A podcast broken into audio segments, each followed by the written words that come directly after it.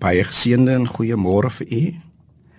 Ek wil aan u voorhou 'n uh, tema gaan werk in my wingerd.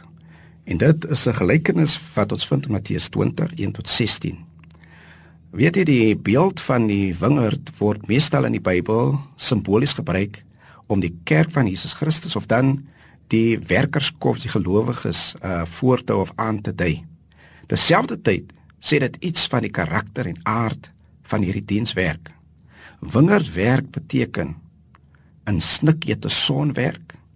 Is oestyd, is insamelingstyd. daarmee word ook 'n eh, bedoel lang en abnormale werksure. daarmee saam ook die beeld van 'n uh, meernis van bedrywighede, klomp mense saam, klomp arbeiders, handewerk, uh, seisoenwerkers wat benodig word om hierdie oes in te samel en ook verskillende tye te moet werk te gelyke tyd, maar ook afsonderlik. Aan die ander kant het hierdie wingerd mos ook 'n eienaar, 'n besitter, die een wat dit besit en aan wie dit behoort. Gewoonlik in die Bybel is dit verwysing na God, ons Vader, wat hierdie wingerd besit, maar wat aan die ander kant arbeiders, werkers benodig om hierdie wingerd namens hom te bewerk. En in hierdie gelykenis sien ons die wingerd is nou in staan in oes gereed en as werkers nodig. En dan kom die eienaar self en hy kom roep. Hy kom soek werkers. Hy weet die oes moet ingesamel word voordat dit 'n verlies sal wees.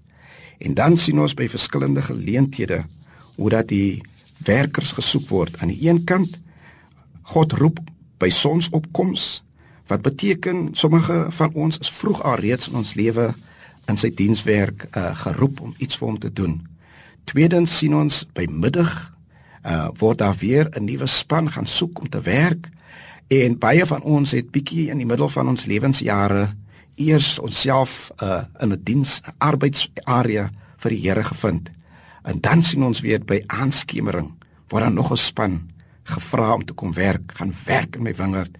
Baie van ons of sommige van u mag dalk laat in die lewe u uh, bedieningsarea gevind het.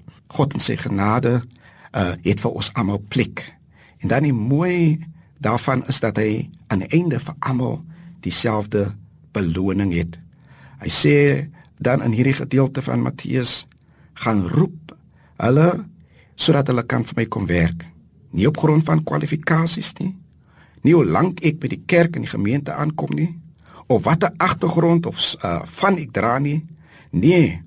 Uh, God het ons almal nodig. En vandag is daar weer geleentheid om met sy arbeidsveld in die wingerd te gaan werk. Kom ons doen dit met blymoedigheid. Ons wees diensbaar. Ons is nie passief nie. In toewyding aan hom doen ons iets vir 'n naaste naby ons. Die Here help u en seën u. Amen.